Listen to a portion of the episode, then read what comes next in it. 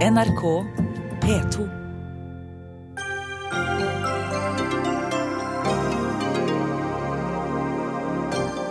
Kongos president vil benåde Joshua French, ifølge landets justisminister.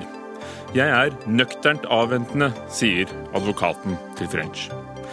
Overgrepsdømte må få sone i egne fengsler, mener forfatter og tidligere straffedømt Trond Henriksen. Både av hensyn til sikkerheten, men også av hensyn til andre innsatte som vil slippe å omgås overgriperne. Han møter kriminalomsorgen til debatt. Ny undersøkelse viser at mange statlige etater fortsatt skriver et for vanskelig språk. Forbrukerrådet møter Moderniseringsdepartementet til språkdebatt. Og atomreaktoren i Halden er fortsatt stengt etter at Statens strålevern har kritisert sikkerhetsrutinene. Men det har aldri vært noen fare, hevder de som driver reaktoren.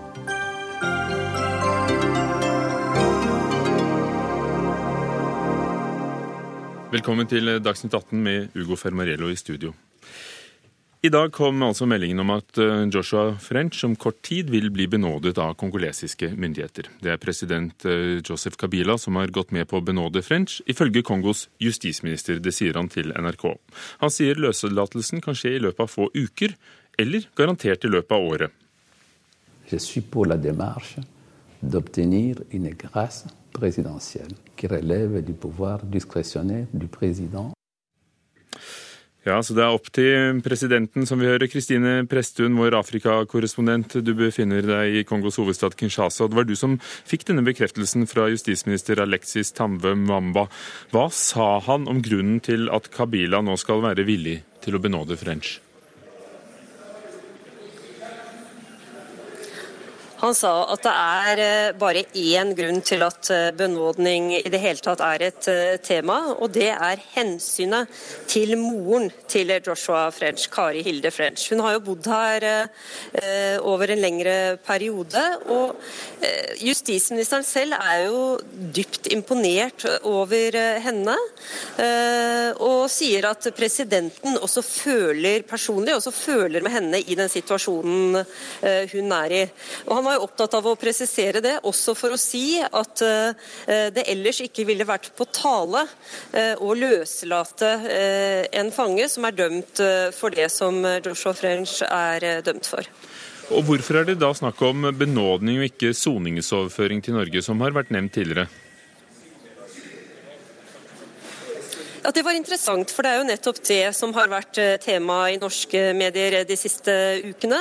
Men det han sa om det, var at vi må tenke på eh, at denne saken her jo har hatt, eh, fått reaksjoner i Kongo, særlig den provinsen hvor drapet på sjåføren fant sted.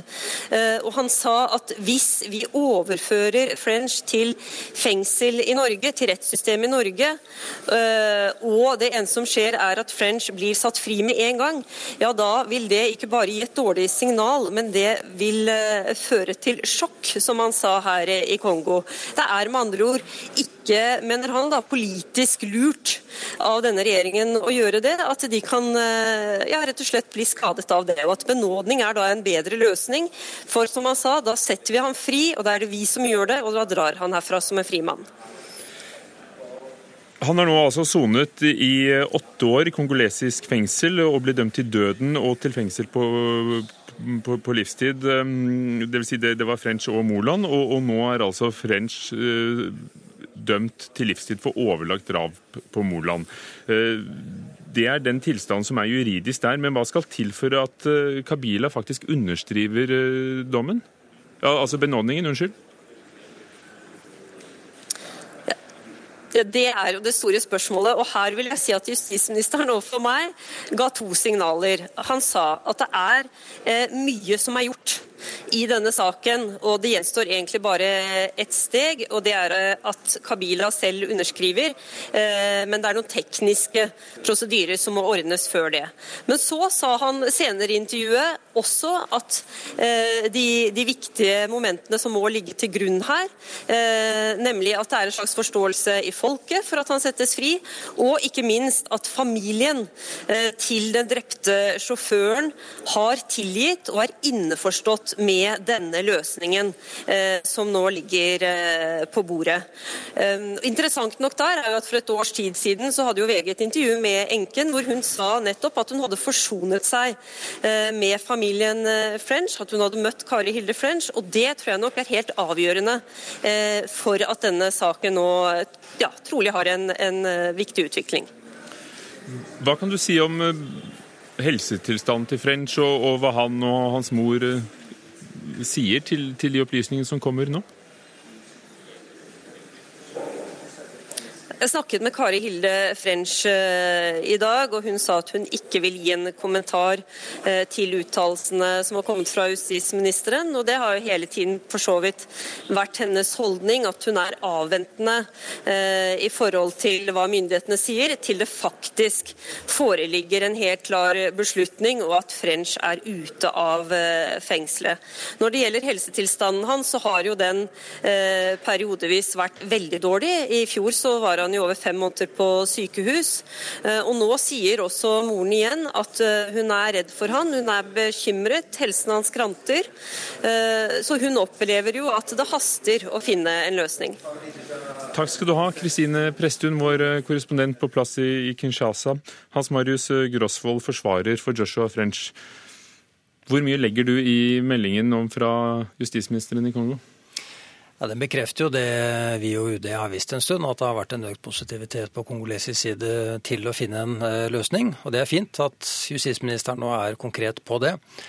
Uh, det som er nytt i det han sier, og som uh, for oss nok også står som ja, hva skal jeg si om ikke ubegrunnet, så iallfall udokumentert foreløpig, det er jo dette at det nå også skal være en enighet eh, hos Kabila og, og, disse andre hvor, hvor, det trengs en enighet om det formelle grunnlaget for en løsning. Det er helt ukjent for UD. Eh, og det gjenstår å, å, få bekreftet eller avkreftet. Og UD har jo ikke villet kommentere eh, saken i, i, i løpet av dagen. Hvorfor har det vært så vanskelig å få til en avtale med Kongo om å overføre på den ene eller andre måten French til Norge? Det må man jo nesten spørre kongoleserne om. Fra norsk side så har det jo hele tiden eh, vært et overordnet mål rett om, eh, nettopp om å få ham eh, hjem. Hva som er det formelle grunnlaget, det, det har vi sagt, det kan egentlig kongoleserne nær sagt velge selv. Hva som har gjort at dette er vanskelig, det vet vi ikke, men det er jo et faktum f.eks. at kongoleserne har veldig mye annet å tenke på enn denne saken. Det skal vi ikke glemme. Morten Bøås, forsker ved Norsk utenrikspolitisk institutt. Du har fulgt denne saken eh, helt siden 2009 og kjenner Kongo godt. Og det har vært eh, mange antydninger før om at det ville komme til en løsning i saken. Justisministeren sier at han vil bli benådet i løpet av året. Hva, hva tror du? Tror du på det? Det er i hvert fall en ganske klar indikasjon, og en av de klareste vi har sett, på at det er en vilje fra kongolesisk side på å finne en løsning på dette problemet. Men eh, som også andre har vært inne på, dette er Kongo, og ingenting er sikkert før noe faktisk har skjedd. Det er eh, et land nå som står oppe i store problemer knytta til den politiske situasjonen i landet. Det er ikke nødvendigvis sikkert at eh, denne justisministeren er justisminister mot slutten av året. Det er heller ikke helt sikkert at president Kabila er president mot slutten av året. Han sitter jo på overtid, men på han overtid. har lovet nye valg i 2018, så han i utgangspunktet et år til. Ja, men eh, det er nok ikke så sikkert at det er eh, hele Kongo som godtar eh, denne lovnaden om at nå valget må flyttes enda et år utover. Altså, det skulle vært i 2016, så snakket de om november 2017. Nå snakker han om 2018 og begynner å hinte om at de kanskje aldri vil ha penger til dette her. Så her er det mange ting som kan skje rundt den politiske situasjonen i landet, og kommer det nye ledere på plass. Så ja, kanskje de vil forholde seg til en eventuelt avtale, kanskje de ikke vil gjøre det. Så det er fortsatt ganske betydelig usikkerhet her, tror jeg. Men når det er sagt, så er nok dette en av de klareste indikasjonene fra den sittende ledelsen på at de ønsker å kanskje få dette ut av veien. Så har altså French sonet i åtte år. Han er dømt til døden eh, for drap på sin kamerat Moland. Eh, dere bestrider denne dette skyldspørsmålet? Ja, det gjør vi. Eh, nå ligger jo dommen der, og den er rettskraftig, så det er ikke så veldig mye å gjøre med akkurat den, eh, den biten. Men eh, vi hadde jo en ganske grundig etterforskning hvor bl.a. norsk Kripos bisto kongolesiske myndigheter på deres forespørsel. Og det den etterforskningen viste klart, klarere enn noen andre saker jeg har vært med på her hjemme også, det er jo at Det som hadde skjedd, det var overhodet ikke at Moland hadde blitt tatt livet av, og dermed at dette ikke kunne lastes French. Utenriksminister Børge Brende har faktisk sagt noe om saken i løpet av dagen på, på, Twitter. Han skriver at dette er en krevende sak som ikke er løst før Joshua French er ute av Kongo, men at det er positive signaler fra Kongos justisminister UD fortsetter arbeidet. Hvorfor har Norge vært så involvert? French er jo også britisk statsborger. Ja, altså Norge har jo egentlig her vært mer involvert enn det i hvert fall så mitt, meg bekjent. altså britene har, har, vært. og Det er nok flere årsaker til det, men altså den viktigste er nok det at eh, det enorme mediatrykket som denne saken eh, skapte. Og Det var jo ikke bare for at det var plutselig to, to nordmenn som ble arrestert for en alvorlig forbrytelse i utlandet, men nettopp fordi at dette skjer i Kongo. Et land som eh, ikke mange i Norge kan spesielt mye om, men som veldig mange har et eller annet forhold til, og at Kongo alltid har vært der på mange måter i norsk offentlighet som et speilbilde på alt vi ikke er. Og I tillegg så kommer det jo også inn alle disse andre elementene som bidro til å gjøre denne saken veldig eksotisk. Eh, hvem var disse to som ble arrestert, altså Joshua French og Stål Moland? Bakgrunnen fra militæret, det var spekulasjoner rundt det. Det var det faktum at de beviselig hadde hatt med seg våpen inn i landet. Hva skulle de nå der? Så det, dette her ble en altså et vanvittig mediatrykk rundt dette her, som også bidrar, nå tror jeg har bidratt til den sterke involveringen fra norsk UDs side. Jobber du som forsvarer for French med UD, eller er det et diplomatisk løp som uh, foregår bak lukkede dører? Det er helt og holdent et diplomatisk løp. Dette er det norsk UD, og også britisk UD, som, eh, som håndterer min jobb. Det er å være Joshuas representant her. Eh, og jeg har en god og nær kontakt med, med UD, og ja, blir holdt orientert om, om, saken. Og det er klart, noen ganger så oppstår det situasjoner hvor han må ta et valg i den ene eller den andre retningen med hensyn til hva som skal gjøres, og da har jeg den kontakten eh, på hans vegne her hjemme. Hva vil han gjøre hvis han kommer til Norge og blir benådet? Du, Det ligger litt for langt frem i tid, tror jeg, å snakke om. Han, eh, han, skal få lov til å komme hjem etter hvert og skjermes og få tid til å komme seg, så, så får vi ta det derfra. Men Hvordan er soningsforholdene hans i dag? Det er jo et understatement å si at det er langt fra ideelt. Eh, jeg har lyst til å påpeke at han deler eh, de svært dårlige soningsforholdene med 1700-1800 andre fanger. Eh, jeg har tilbrakt noen uker i det fengselet der og ser jo det at det er jo langt ifra vår standard. Og det er dessverre sånn at er du syk der, så får du i svært begrenset grad den behandlingen som du, som du trenger. Og det er jo det som er det største praktiske problemet vårt i dag. At han har ikke fått den behandlingen han trenger, og derfor må han eh, hjem. Ja, nei, altså Det er helt riktig eh, som her sies at uh, soningsforholdene ikke er bra. Men når det er sagt, så er nok det fengselet som Joshua French tross alt soner i, er nok det aller beste fengselet altså man kan sone i, i, uh, i Kongo. Og det sier noe om forholdene som den vanlige kongoleske fange lever under, men også ganske mye om hvordan de vanlige forholdene som folk flest lever i i Kongo. Takk skal dere ha. Morten Buås, forsker ved NUPI, og Marius, Hans Marius Grosvold, forsvarer for Joshua French. Dagsnytt 18 alle hverdager kl 18.00 på NRK P2 og NRK2. Og det blir jo en litt annen skål når vi skal snakke om forholdene i norske fengsler, og ta spranget fra fengslene i Kongo. Men like fullt. Her pågår det også en debatt om uh, hvor trygge fengslene er, både for de innsatte og for de ansatte.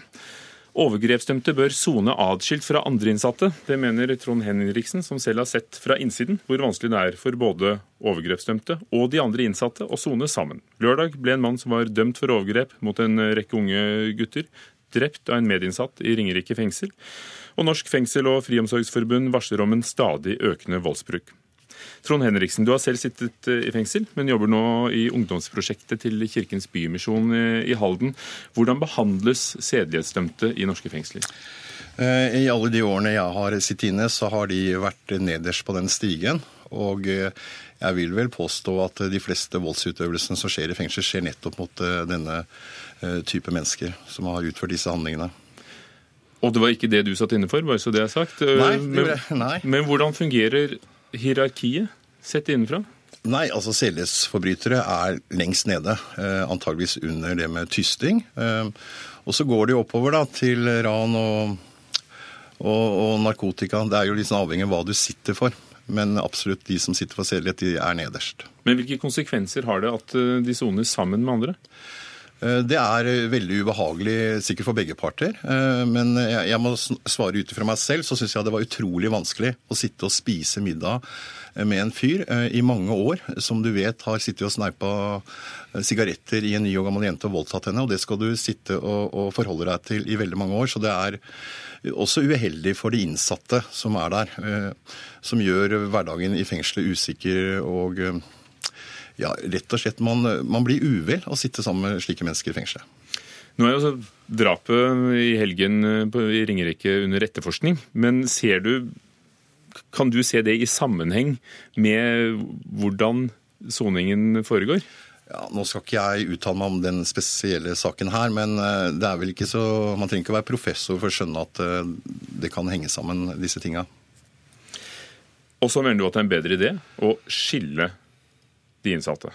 Ja, jeg tror for både innsatte, for samfunnet generelt sett og også for sedelighetsdømte at alle er tjent på at de har et eget sted å sone. Et sted som de kan få behandling, for de skal også tilbake til samfunnet. Og jeg tror ikke de har noe å hente å sitte på en dobbeltcelle med biltyv. Jan Erik Sandli, assisterende direktør i Kriminalomsorgsdirektoratet. Det er en økning i, i, rapportert vold i fengsel, både mot ansatte og innsatte. Det er deres egne tall. Men, men tror du vold og i verste fall drap kan unngås ved å la overgrepsdømte sone for seg selv? Eh, først vil jeg jo si uh, at uh, drap mellom innsatte er veldig sjelden i Norge. Vi hadde en tragisk hendelse nå. Forrige gang vi opplevde det, var vel i 1982. Så det er, det er svært sjeldent. Eh, når det gjelder plassering og det forslaget her, så er jo tradisjonen i Norge det er en individuell plassering av hver enkelt innsatt i fengsel. Så også, Vi blander jo f.eks. varetektsinnsatte og domsinnsatte, som, som, vanligvis er skilt i andre land. Eh, det, det, vi har tradisjon på, det er jo å, å, å plassere folk ut fra domslengde. Uh, og det, altså, Har du en lengre dom, så kommer du på høyt sikkerhetsnivå osv. Uh, vi har begynt de siste årene med større grad av spesialisering. Vi har, uh, har oppretta avdelinger for helt unge nå. Vi har Kongsvinger ble jo fengsel for utenlandske innsatte. Vi har i større grad lagd egne kvinnefengsler, gått bort fra å blande. Og, og, vi har også noen steder avdelinger for sedelighetsdømte, eh, men med den begrunnelsen da at f.eks. i Bergen at de har et eget behandlingsprogram for sedelighetsdømte. Som, som, gjør at de blir plassert der. Eh, og, og da, hva viser de erfaringene? Nei, Sedelighetsprogrammet i Bergen eh, det, det, det, det mener jo det, skal jo bidra de, da til at vi får redusert kriminalitet i forhold til disse som sitter der. Nei, det er, For det første så er jeg veldig usikker på de tallene i Bergen. Det har vært eh, debattert tydelig. Og, så er det veldig dyrt. Og jeg er heller ikke noe for avdelinger i fengslene. fordi eh, logistikken i fengsel gjør at det er lett å møte disse menneskene når du skal til legen, tannlegen, andre steder i fengsel. Så for min del så, så føler jeg det å, å, få plassert det utenfor i, i andre sammenheng en anstalt hvor helsevesenet har ansvaret i, i hovedsak, og så kan kriminalomsorgen ivareta sikkerheten. Så du tenker eget fengsel? Ja, absolutt. Altså, avdelinger, Jeg vet de holder på med det litt rundt omkring, men eh, hvor vellykka det er, det er en annen sak. Jeg har mer tro på å få de ut fra tradisjonelle fengsler. Eh, og Problemet her er jo at eh, Men er, er det verre å, å på vei til til tannlegen, eh, eller for den saks skyld å innta et måltid sammen med en som er drapsdømt, en, en dømt? Ja, absolutt. For meg er det det. Jeg har sittet med mange drapsmenn, og, og, mange av de er egentlig veldig flotte mennesker som har utøvd en handling på noen, på noen, sekunder i affekt. Og for meg er det veldig stor forskjell på å sitte sammen med et menneske som har utført en handling i affekt, eller som har sittet og planlagt å voldta et barn. Det, det må jeg få lov å si er veldig stor forskjell. Rita Bråten, leder av Norsk fengsels- og friomsorgsforbund. Dere organiserer ansatte og ledere i kriminalomsorgen. Hva syns du og dere om ideen om eget fengsel eller egne avdelinger for uh, sedelighetsdømte? Vi eh, har jo ikke diskutert eh, det med egne fengsler, eh, for det syns vi er litt spesielt. Vi vet jo at Ila har jo masse av de som Trond snakka om nå, og det fungerer greit. For der har de en, en tung bemanning, de har også helse innafor. Men hva er det å fungere greit? At, at de får behandling, at de andre har det bra, at de innsatte ikke opplever aggressivitet? Altså, Hva er det å fungere greit? Det, det fungerer i hverdagen pga. at de har eh, de tyngste av de tyngste, uansett liksom hva slags kriminalitet du setter for. Men det vi ser, det er jo i forhold til at F.eks. Åna de har laga en egen avdeling der de som er dømt for eller sett for særlighet sett. De ansatte, som er da våre medlemmer, mener at det fungerer veldig ålreit. Pga. at de slipper bl.a. å bli hakket på av andre innsatte. De slipper å på en måte føle seg utrygge. Eh, nettopp som Trond sier, pga. at de er nederst på rangstien i forhold til eh, den kriminelle handlinga de har begått. Eh, og eh, når vi er litt for det med egne avdelinger, så er det ikke nødvendigvis pga. at de skal få en behandling, men det er iallfall noe som hjelper i forhold til at de blir beskytta fra andre innsatte. Og de kan ha på en måte en helt annen type soning med et annet innhold. Iallfall hvis ansatte og helse eh, går sammen om eh, å, å bistå her.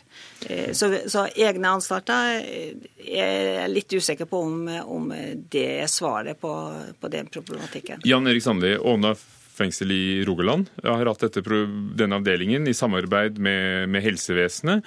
Og, og ifølge det vi hører fra forbundet, så er det en suksess.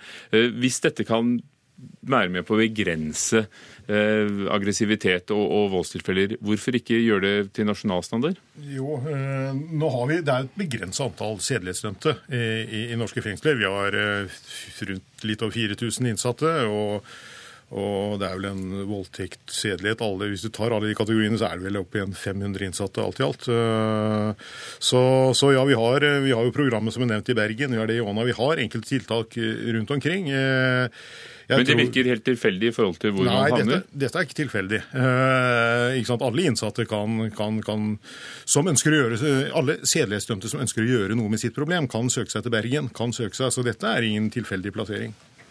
Eh, altså jeg har lyst til å si I forhold til Ila, eh, siden du nevnte det, Rita, så, så er det mye problemer rundt, eh, rundt, Ila. fordi Der er det avdelinger hvor det er flertall med pedofile, og hvor det kanskje sitter tre andre som har helt annen kriminalitet. Og For de så blir det veldig vanskelig å tilbakeføres til samfunnet hvis de må sitte på en avdeling som er spesialisert for pedofile. Og Det er akkurat det jeg vil ha bort, Rita. så Du kan ikke sitte og si at det er veldig stor suksess på, på Ila, for jeg kjenner mange innsatte der som klager nettopp over den problemstillingen der som gjør at det blir veldig vanskelig å komme tilbake til samfunnet når eh, du sitter med syv stykker som trenger helt annen behandling enn det du skal ha. Rita Bråten, Kan det være at avdelingen ikke er spesialisert nok? Ja, altså, Du sa ikke at Ila var en suksess. Eh, Ila burde egentlig ikke vært i det hele tatt.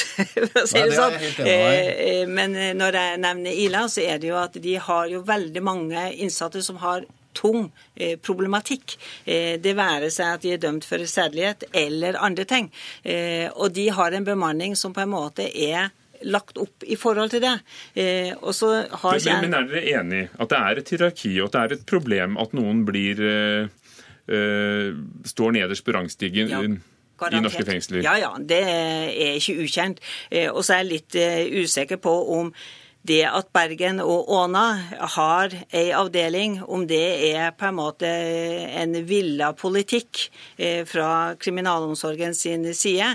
Eh, Åna eh, tror jeg nok at de fant ut at det var på en måte en bra måte å organisere det på, nettopp pga. at de opplevde at mange innsatte hadde problemer ut i det vanlige eh, fellesskapet med andre innsatte. Så, eh, men at det burde ha vært det. villet politikk? Ja, det, dette, er, ja, dette er jo tiltak som drives, og dette er jo ønsket, ja. Men hvorfor vil det være nok til å drive egne eh, anstalter eh, i Norge? Egne, et eget fengsel som du tar til orde for? Hvorfor ikke en avdeling som på Åna eller i, Bergen som er helt spesialisert? Nei, fordi jeg, For det første så ønsker jeg at det skal flyttes litt mer over til helsevesenet. Eh, fordi disse menneskene er syke mennesker. Eh, mens mange av de andre sitter inne for kriminelle handlinger. Og Det syns jeg er veldig viktig. Det er det jeg tror er litt problemet her, at de skjønner ikke de mekanismene som er inne i et fengsel. Og uansett hva man gjør der, om du har flere ansatte, så hadde ikke dette hjulpet mot det som har skjedd. For disse mekanismene har vært der i 30-40 år, og det vet disse folka her. Eh, men man greier ikke å ta tak i det. Og jeg tror ikke en egen avdeling i seg sjøl gjør noe for, for, for, de som er der. For å si det sånn, for de trenger litt annet krutt enn, enn det jeg tror kan foregå i, i disse avdelingene som har spesialisert seg på dette feltet.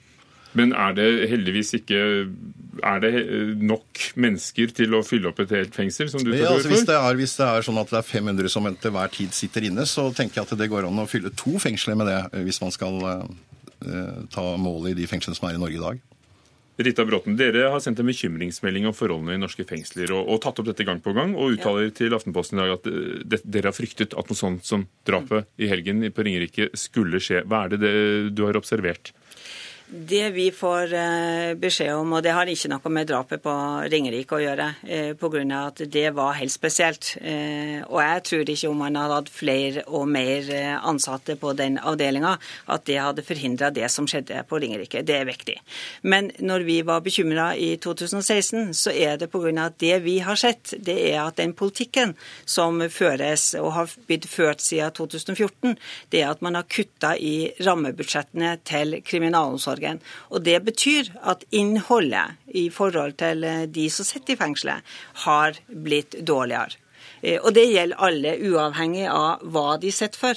Eh, og det er litt av problematikken, pga. at ansatte i avdelingene har blitt færre. Og selv om KDI eh, sier at eh, de har dokumentasjon på at man bruker like mye penger på eh, de ansatte på, som jobber på gulvet, så er nok det riktig. Men det som er problematikken, det er at når eh, en ansatt er borte, så leies det ikke inn en eh, ny en. Og KDI, det er jo deg, Jan Erik Sandli. Eh, I dag er det sånn at dere ikke kan tilby det innholdet som dere gjorde før? At på papiret så ser det likt ut, men i praksis ja, det, er det skåret ned? Det er vel litt komplisert enn som så. Det vi vet, er at øh, er at uh, vi har jo hatt budsjettkutt. Uh, og, og, og, det er jo anstrengende å, å håndtere. Og, men, men, men, når vi ser på, ser på tallene, som vi kan være enig eller uenig i, så, så, så, er jo det, meste er tatt på administrasjon og ledelse uh, av de nedskjæringene vi har hatt. Men og når det gjelder, når det gjelder innholdssiden, så, så, er det, så er det viktig å aktivisere alle innsatte. Der har vi hatt bedre tall. På den annen side så er det flere som har fremheva i og for seg programvirksomheten i fengslene, der vi fra, fra, fra 15 til 16 hadde en nedgang på 6 Og Trond Eriksen, Hvorfor tror du det er blitt flere voldstilfeller i norske fengsler? Nei, fordi Politikerne har en, har en, tro på at man kan eksportere eh, problemene til utlandet. Og jeg tror eh, at man eh, skal få vanskelig å få seksualforbrytere til å sone i Nederland, for å si det sånn. Så jeg har troa på at man kanskje skal se til sitt eget land og gjøre noe med problemene her vi er. Takk skal dere ha. Trond Henriksen, som leder ungdomsprosjektet til Kirkens Bymisjon i Halden, og forfatter av boken 'Ingen murer er for høye'. Jan Erik Sandli fra Kriminalomsorgen og Rita Bråten, leder for Norsk fengsel- og friomsorgsforbund.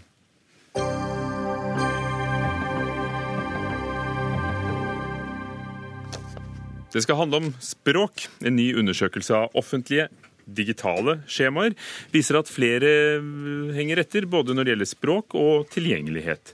Forbrukerrådet som eh, står bak eh, denne rapporten, skriver eh, at det har skjedd svært lite siden forrige gang de gjorde noe lignende, i 2014. Den gang sa moderniseringsminister Jan Tore Sanner at statlige etater skulle bli mye bedre på dette feltet. Anne Kristin Wie, fagdirektør for offentlige tjenester og helse i Forbrukerrådet. Har han holdt ord? Nei, altså for å si sånn, Vi ser jo med den undersøkelsen her eh, at eh, det ikke alltid er like lett å fylle ut offentlige digitale skjemaer.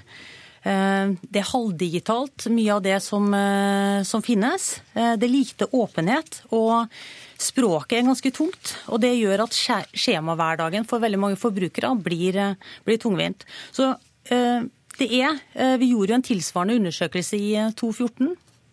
Eh, og siden den, gang, siden den gangen så, så, ser vi at det er veldig lite som endrer seg. Noe har blitt bedre, eh, men det er, det er fortsatt mye å, å, ta tak i for, eh, for regjeringa. Kan du gi oss eksempler? Hva er det verste du har sett?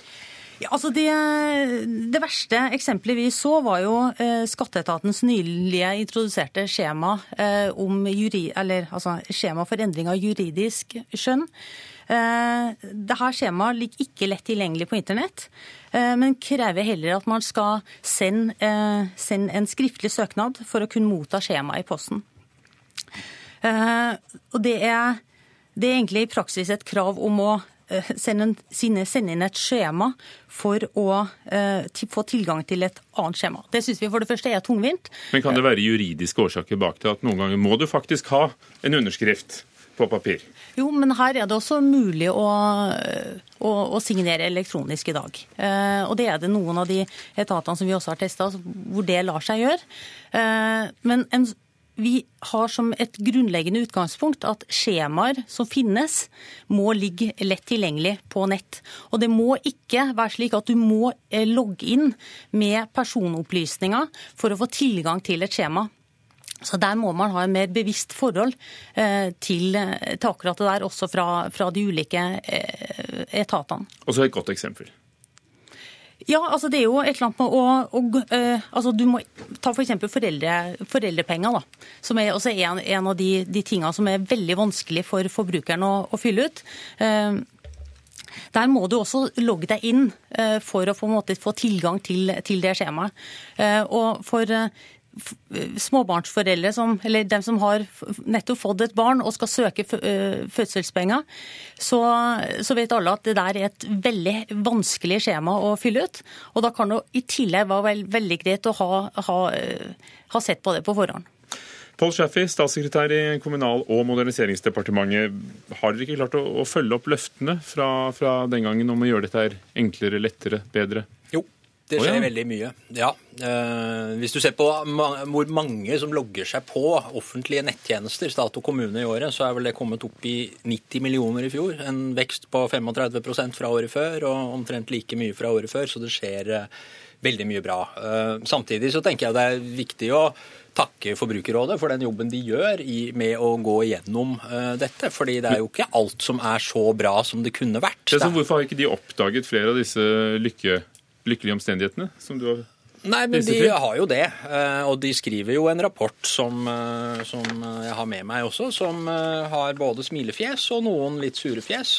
Og noen av eksemplene er absolutt sånn som må tas videre med de etatene som ikke har vært gode nok. Noen ganger så kan det jo også kreve en tilpasning av IT-systemer og andre ting som gjør at det tar litt lang tid. Eh, akkurat dette eksempelet med skifte juridisk kjønn syns jeg imidlertid er ganske dårlig. fordi det er nok en av de største forenklingene som noen gang har skjedd for den gruppen det gjelder. For den innebar jo at i løpet av fjoråret så behøvde man ikke medisinsk behandling eller sterilisering for å uh, skifte kjønn juridisk. Det er rett og slett en beslutning.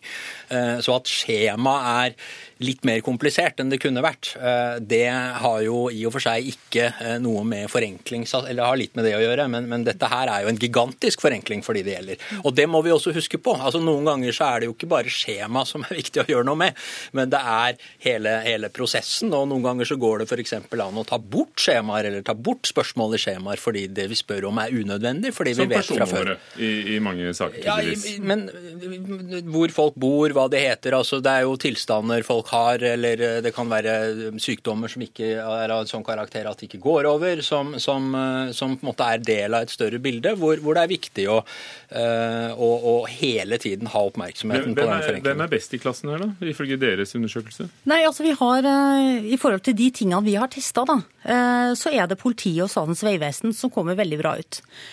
Statens vegvesen har jo utmerka seg på, på et område, og det er jo nettopp det at de har skjema som er veldig mobiltilpasset.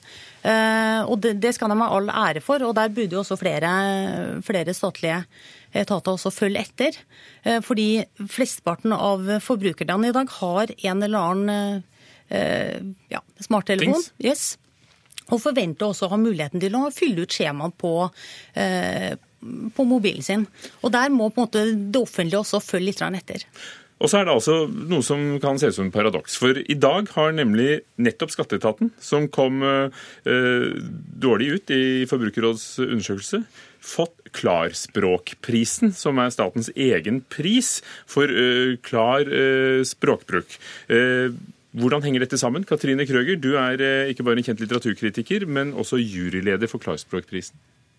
Ja, jeg burde jo sikkert sitte og skamme meg, da, siden vi har gitt uh, prisen til skatteetaten. Jeg må jo heller takke Forbrukerrådet. Altså, Skatteetaten er helt enormt, og de gjør et kjempestort arbeid med klarspråk. Uh, det som var påfallende i dag, da, i Konserthuset en stor, altså Jeg har jo i løpet av et halvt år jeg har jo aldri vært borti byråkratispråket for, før. Eh, og jeg er så imponert over hvor mye byråkrater i kommune og stat jobber for å forenkle språket sitt. Eh, det er veldig vanskelig å få presse på det. Og i dag var det ingen som ville høre på når Sanner ga prisen til Lånekassen, Stavanger kommune, Skatteetaten. Fordi de, det sier jo du også, de gjør jo tross alt et veldig godt arbeid for å forenkle, bl.a. ligningsattesten. Og til Tone Fagerholt, som er en sånn eh, såkalt trekkhund. Ingen var der, og så ringer Dagsnytt 18, og ja, du vel, ja, du vet vel hva jeg ringer om? Så tenkte jeg ja, språk, eh, eh, klarspråk. Og så er det bare for at dere har funnet et eller annet å kjefte på.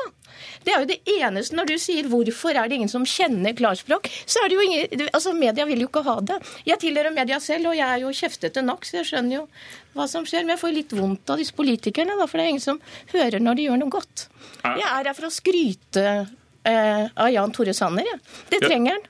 Tar du det til deg ja, og dere? Ja, veldig. Og, og, og det her er det jo en uavhengig jury eh, med ja. folk som er veldig kritiske når det ikke skrives klart. Så, men, men, men, eh, jeg, men hvorfor er det så forskjell på etatene? Eh, er det noen grep dere kunne gjort for å for, på tross av alle de herdige byråkrater som sitter og hver dag og forenkler språket sitt og gjør det tydelig og godt, jeg tror dette er et sånt område man må Det kommer ikke av seg selv. Man må jobbe systematisk. Det holder ikke med en kort kampanje. Det er rett og slett en holdning. Jo, og derfor så har vi et samarbeid med Universitetet i Oslo f.eks. om å forenkle lovspråk. Fordi dårlig skrevne lover er jo ofte årsaken til at forskrifter og retningslinjer og veiledere og veldig mye annet, nettsider også, blir for dårlige. Sånn at dette er egentlig en kulturbygging over tid. Og denne prisen eh, Vi er jo i og for seg vant til at gode nyheter ikke får like stor oppmerksomhet som dårlige, men det er viktig å gjøre det for det. Fordi det gjelder de som jobber med dette, de uh, får uh, et dytt når du får oppmerksomhet fra, fra, fra oss, og, og, og, blir på en måte enda mer motiverte for å fortsette med arbeidet. Katrine Krøger, ta Skatteetaten. Hva, hva, har de fått prisen for? Hva er det du og jurymedlemmene dine så på det arbeidet de har gjort, som, hvor du tenkte som, som det litteraturmennesket du er, at dette er sannelig uh, rene ord for pengene? Eh, du, det, det, er et halvt år siden vi satt i jurymøte. Eh, jeg var redd du, eh, eh, Nå gikk jeg gjennom Altså, de har sendt inn i hvor mange Altså hvor mye de jobber. De jobber med eh, De jobber for så vidt på alle arenaer. Altså, de har forenklet ligningsattester, de har forenklet hvordan man kommer inn på skatteetaten, de har forenklet all informasjon. De forenkler språket rent konkret. Altså, for det er det eh, du ser på, ikke ja, sant? Ja, det ser Hva på. er godt og klart språk? Eh, godt og klart språk, det er jo at du eh, ikke nødvendigvis at en bruker bør vite alle paragrafer som ligger til grunn for at brukeren skal få den informasjonen man gjør. ikke sant? Du forenkler språket. Det er jo en hårfin balanse, som du sa, mellom å skrive riktig, altså ikke forenkle sånn at informasjon blir borte, og det at uh, brukeren må liksom ha, ha, et halvt avsint med den og den paragrafen. Man trenger ikke alle paragrafene i det første brevet du får. Du kan ha et veldig sånn appetittvekkende brev eh, med informasjon, og så kan du ha henvisninger f.eks. til paragrafer bak. Det er enkle grep. Eh, det har med gammelmodig sånn kansellispråk å gjøre. Det har med eh, vanskelige ord som fornyes. Eh, Eh, og det har med at du skriver veldig direkte til brukeren, uten å bli for sånn du og jeg-aktig. Eh, Går det en grense for når det språket kan bli enten nedlatende eller eh, for, for vennskapelig, eller ikke engang kanskje korrekt? Ja, ja, ja. Men altså, byråkrater blir jo ikke vennskapelige. Det tror jeg skal mye til, så den grensen holder de fint. Eh, nedlatende, Det er jo nettopp sånne ting de jobber med. Altså hvordan Bl.a. fikk Lånekassen de fikk pris for hvordan skrive et negativt budskap på en appetittvekkende, altså en god måte. Altså Du skal både være eh, streng og samtidig eh, prøve å holde, liksom få den som får brevet til å ville lese det. Ikke bare liksom rygge hvis du ser noen sånne rare paragrafer og eh, fremmedgjørende ord i begynnelsen. Eh, ligningsattesten er jo, det må jo alle ha merket har blitt mye enklere, har den ikke det da? Eller? Jo. Ja, altså, eh, Har ikke du òg merket det? Anne Kristin Wie i Forbrukerrådet. Eh, Hvilke tips har du etter å ha hørt uh, jurylederen uh, her snakke om godt språk til, til regjeringen? Fordi, fordi, dere hadde jo da ikke bare smilefjes i undersøkelsen deres. Nei, og... Nå ser jo dere på mer enn språk, ja, da. Ja da, vi gjør det. Vi har, det er jo en av fem elementer som vi har, vi har sett på. Og jeg syns uh, det arbeidet dere gjør, og at man, man gir priser, syns vi er kjempefint. For her er det helt åpenbart veldig mye vanskelig språk som, som en alminnelig forbruker må forholde seg til. Og jeg tenker noen ganger at det å investere i gode skjemaer gjør at det er innsparing, altså tidsbesparende for forbrukeren, for du bruker mindre tid. Eh, og det vil også være mindre henvendelser da som går inn til det offentlige for å forklare hvordan du skal, hvordan du skal, skal fylle ut. Så her er det mye samfunnsøkonomi fra begge, fra begge hold, som, eh, som, bør vektlegges eh, my, i mye større grad enn det det gjøres i dag. Det er én rute igjen i dette lille skjemaet vårt, og den skal du få fylle ut, Katrine Greger. Jeg må bare si nok en gang, det som er veldig tøft med Sanner, det er at de tar problemet ved roten. De gyver løs på jusutdannelsen. Nå er det jo de som gir denne prisen, hvor du er blitt ansatt som juryleder. Da. Ja, det er ikke lomma på den nå. men jeg får jo ikke mer betalt av å sitte og skryte opp. Men jeg er jo opptatt av at man ikke skal, ikke skal Altså at studenter altså Allerede fra begynnelsen av så skal man lære seg å snakke et godt språk. For du kan jo eh, ikke sant, At jurister skal lære seg fra tidlig av at du faktisk skal snakke med mennesker. Det syns jeg er veldig tøft. Og det er ganske unikt, tror jeg, internasjonalt. Så vidt jeg skjønte på Sanner. Men ja. Takk skal dere ha. Katrine Krøger fikk fylle ut den siste ruten i skjemaet vårt. Juryleder for Klarspråkprisen. Takk Anne Kristin Wie, fagdirektør for offentlige tjenester i Forbrukerrådet, og Paul Chaffey, statssekretær.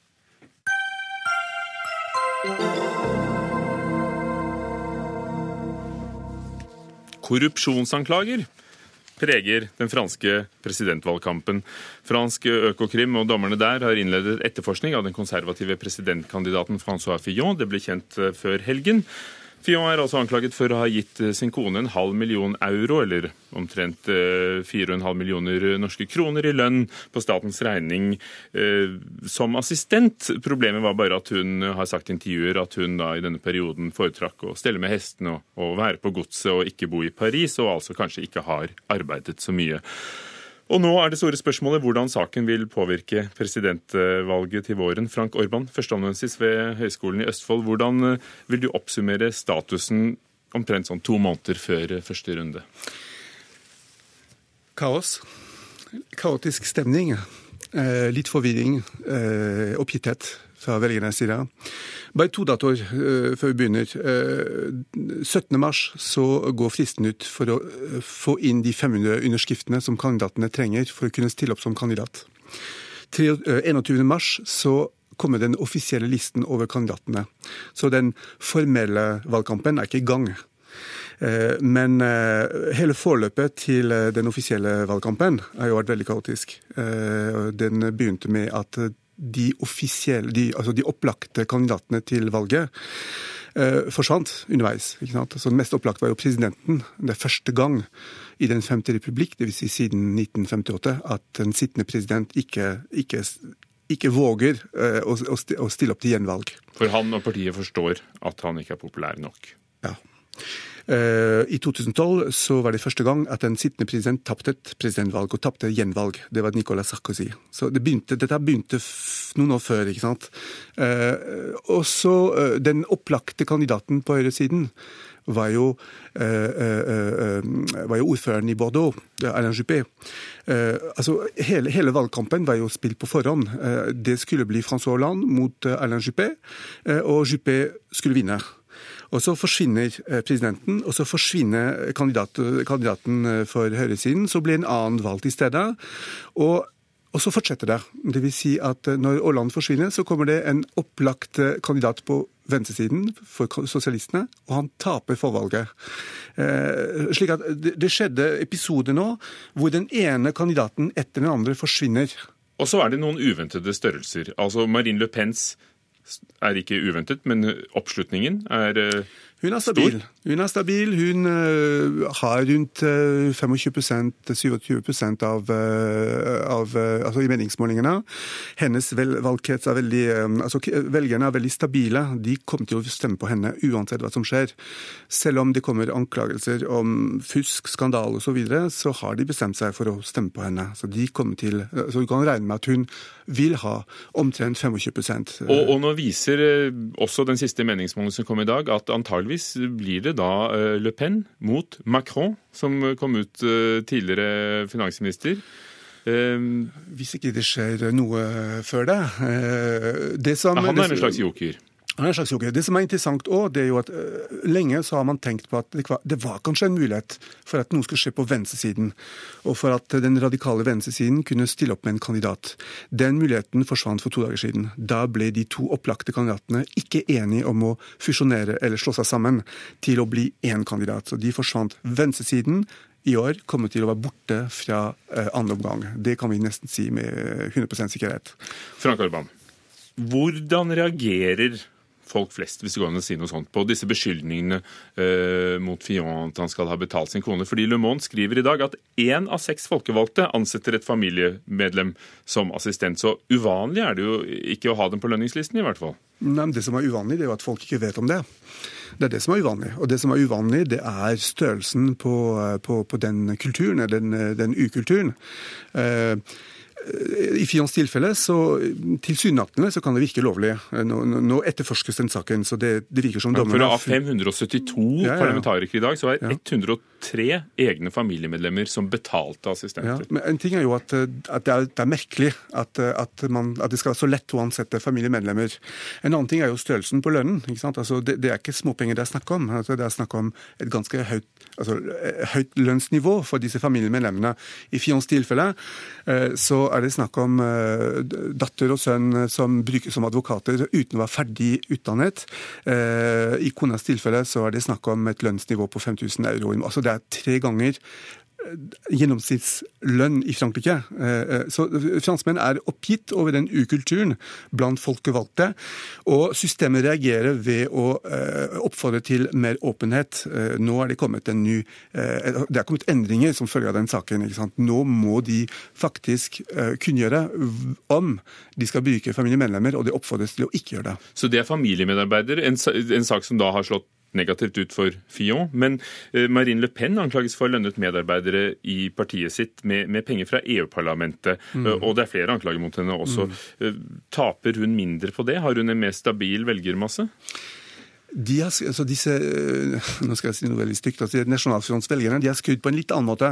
De er i utgangspunktet alene, alene mot alle altså Marine Le Pen står alene mot hele systemet.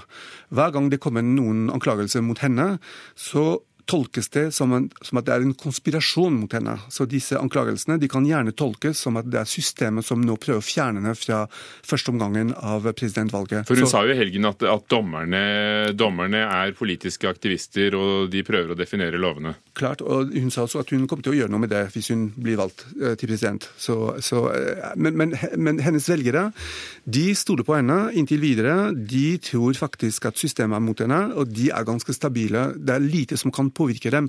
Velgerne til Fillon er jo langt mindre eh, altså De er mer sårbare for, eh, for, for uh, smitte og tvil.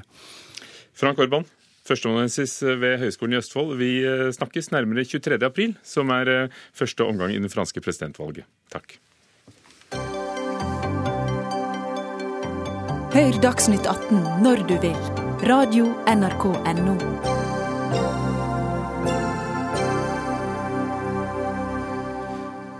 Sikkerheten ble ikke tatt på alvor ved Halden-reaktoren. Det er konklusjonen fra Statens strålevern etter et uhell i oktober i fjor. Institutt for energiteknikk, IFE, som driver forskningsreaktoren, ventet også i 20 timer med å varsle Statens strålevern.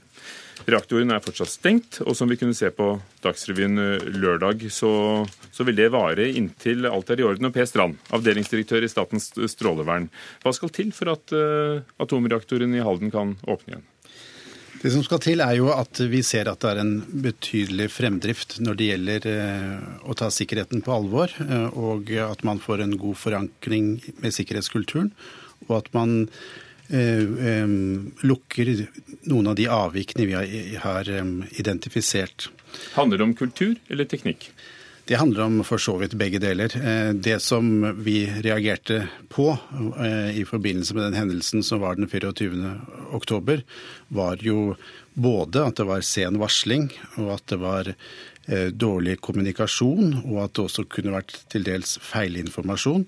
Og dette må vi helt ordentlig til bunns i og se at Institutt for energiteknikk tar det på alvor og iverksetter nødvendige tiltak, slik at vi ikke kommer i en situasjon der vi beveger oss utenfor det som er beskrevet i sikkerhetsrapporten.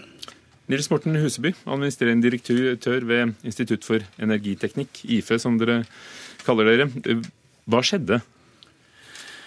Det som skjedde, var at uh, i forbindelse med håndtering av et brenselselement den 17. oktober, så, uh, så, så vi at det var noe høyere aktivitet, radioaktivitet enn normalt. Og dette ble registrert over noen dager, frem til dette elementet ble fjernet fra reaktoren. Det gjorde vi den 24. oktober, hvor det da ble fjernet og forsøkt reparert ved en sveiseoperasjon. Og I forbindelse med den sveiseoperasjonen så skjedde det et eh, utslipp eh, i et håndteringskammer inne i selve reaktorhallen.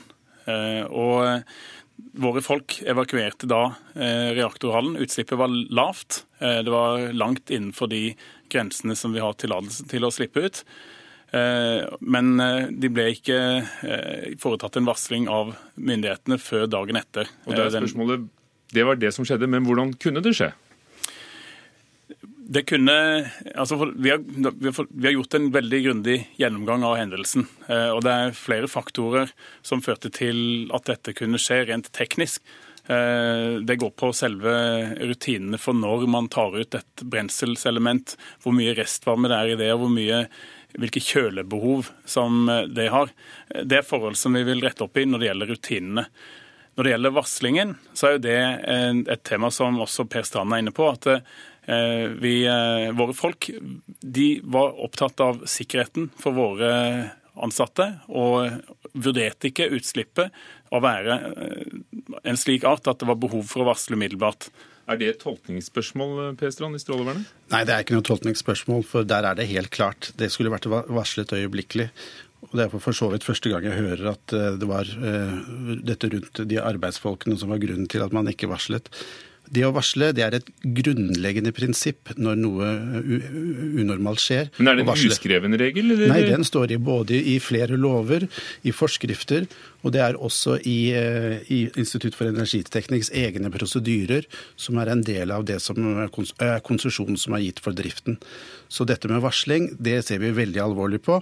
For hvis vi ikke kan være sikre på at ting blir varslet på et tidlig tidspunkt, så er det et problem for beredskapsmyndighetene og tilsynsmyndighetene. Var det noen gang Husby, fare for at det kunne vært større utslipp enn det som dere har tillatelse til å ha til atmosfæren også, ikke bare i, i hallen? Nei, altså Sikkerheten har aldri vært truet, verken for våre ansatte eller Haldens befolkning eller reaktoranlegget. Det, vi tar sikkerhet på høyeste alvor, og det er det som står fremst i alle våre operasjoner. Men hvis dere tar det på høyeste alvor, og det ifølge Strålevernet ikke er noe tvil om at varsling skal skje umiddelbart, hvorfor skjedde ikke det? Nei, som jeg sa, De folkene som jobbet med dette, de var opptatt av å sikre at ikke det ble eh, folk ble utsatt for stråling, verken egne ansatte eller at det ble sluppet ut stråling. Og De gjorde en vurdering, og det, det er vi enige med Statens strålevern i, at vi skulle ha varslet. Vi er ikke uenig i det, at varslingen skulle ha forut, blitt foretatt mye tidligere. For det betyr at i prosedyrene så er det ikke kapasitet til både å, å passe på ansatte og foreta de varslingsrutinene Nei, som tror, ligger der? Jeg tror en av de tingene som, som, dette peker på, er at det er behov for å gå gjennom prosedyrene i forhold til ha, at vi må være helt klar på hvilke kriterier som legges til grunn for varsling, og, og hvilke rutiner som foregår eh, i samband med det. Britt Salbu, du er professor ved Norges miljø- og biovitenskapelige universitet og leder Senter for fremragende forskning på radioaktiv stråling, mennesker og, og miljø. Når du hører det som har skjedd og, og har sett Strålevernets rapport, hva tenker du? Jeg er bekymret uh, for to ting. Altså, Dette senteret som jeg leder, det har som oppgave å, å bidra til å styrke vår evne til å se på uh, for å vurdere konsekvens og risiko for mennesker og miljø i forbindelse med radioaktivt utslipp. Vi har vært veldig fokusert på kilder i andre land. Det er mange kilder. Og vi har også egentlig som plan at vi skal se på egne kilder, og det viser vel egentlig denne episoden også, at det bør vi gjøre. Og de to tingene som er problematisk, eh, det er at slike ting som lekkasje fra, eh, fra brukt brensel, eh, hvor man også i, i fortsettelsen stenger ventilasjon Eh, eh, kjølevann eh, blir ikke Altså den etterfølgende prosessen, den er en, en situasjon som antagelig skulle vært håndtert bedre ved en gjennomgang av hva som kan gå feil på et anlegg. For som kjernefysiker selv skal ja. noe sånt kunne skje? Burde det vært rutiner som gjorde at Man det ikke ble for varmt? Og hvis det ble for varmt, det så holdt radioaktiviteten seg på plass? Ethvert anlegg må se hvis man mister strøm, hvis man mister vann eller stanser ventilasjon, så må man ha et avbotende tiltak som skal være effektivt og iverksettes raskt. Og da, og, så det ene er at dette eh, Den avbåtende eh, Det tiltaket som er iverksatt, det vil nok være utenfor det man ville mene skulle være en rutinemessig tiltak ved en slik hendelse. Og det andre er jo selvsagt, som man har vært inne på eh, Skal man opprettholde tillit i befolkningen ved nukleær virksomhet, så må man ha full tillit til både driften og eh, det gjelder jo også teknisk. Det gjelder driftsmessig vedlikehold, og det gjelder eh, selvsagt sikkerhetskulturen. Og da betyr jo det at Og ikke minst at det er en myndighet som tar ansvar. Så og Den tilliten det, har jo da Strålevernet ikke hatt nå? Strålevernet har gjort jobben sin. Og det, det var helt vesentlig for tillit i befolkning, vil jeg mene. Og da betyr det at dere, da, Institutt for energiteknikk, ikke har gjort jobben deres. Det, det, trekkes ofte frem at dette er et gammelt anlegg. Det ble satt i drift i 1958. Så skjønner vi at mye er byttet ut og, og, og gjort siden det. Handler det om at anlegget er gammelt? Nei, det handler ikke om at anlegget er gammelt. Bare la meg presisere i forhold til det Salbu sier her. Eh, anlegget og sikkerhetsrutinene er designet i tråd med anbefalinger fra internasjonale atomenergibyrå, IAEA. Eh, og det er sikkert i forhold til eh, driftsstans som, eh, ved en større hendelse. Det vi hadde her, var en mindre hendelse. Og det har vi ikke hatt gode nok rutiner for å håndtere. Så hadde ulykken vært større, så hadde dere håndtert det bedre? Nei, altså anlegget er sikkert. Det er det som er poenget mitt. Anlegget er sikkert i forhold til uh, utslipp, i forhold til større hendelser. Og det, det, var jo ikke noe utslipp av noen større grad her. Det var under 5% av den tillatelsen vi har til å slippe ut. Så, så og, og, og, ja, og la oss høre, da. Pestland, går det da ut Altså når det er under 5% av den tillatelsen de har, da kan det vel nesten ses på som normal drift ved et forskningsanlegg som dette er? Dette var jo et uh, akutt, ukontrollert utslipp. Eh, og Det er kanskje ikke størrelsen som er det viktige, men det vi har ført tilsyn med og oppfølgingen med, er jo hvordan det ble håndtert. Og I den håndteringen så fikk vi et alvorlig avvik på den måten at man etter flere henvendelser fra, stat, fra tilsynsmyndighetene om tilstanden til reaktoren, så fikk man beskjed om at dette var under kontroll og var i henhold til planer. Mens det viste seg at den situasjonen reaktoren var i, var ikke beskrevet i sikkerhetsrapport. Og Statens strålevern er opptatt av betydelige sikkerhetsbuffere. Og vi var da i en situasjon som vi ikke hadde vurdert på forhånd. Så dette ser vi alvorlig på, både varslingen og håndteringen. At sånn skal ikke skje. Vi skal ha betydelige sikkerhetsmarginer. Så dette vil vi følge opp. Det handler ikke om alderen på anlegget, som eh, Bellona hevdet i Lørdagsrevyen at det burde ikke vært i drift lenger? Dette handler om egentlig sikkerhetskultur. Føre var, følge opp og være, være sikker på at dette har vært vurdert på i forkant. Og det var ikke tilfellet denne gangen. Og vi håper at Institutt for energiteknikk tar dette på alvor og følger det opp. Fordi siden 58 så har dere hatt tid til å utarbeide rutiner? Ja, eh, jeg, jeg, er helt, jeg er helt enig med det Per Strand sier her. Men vi må si stopp der. Og jeg tror vi har fått frem alle sidene. Takk skal dere ha.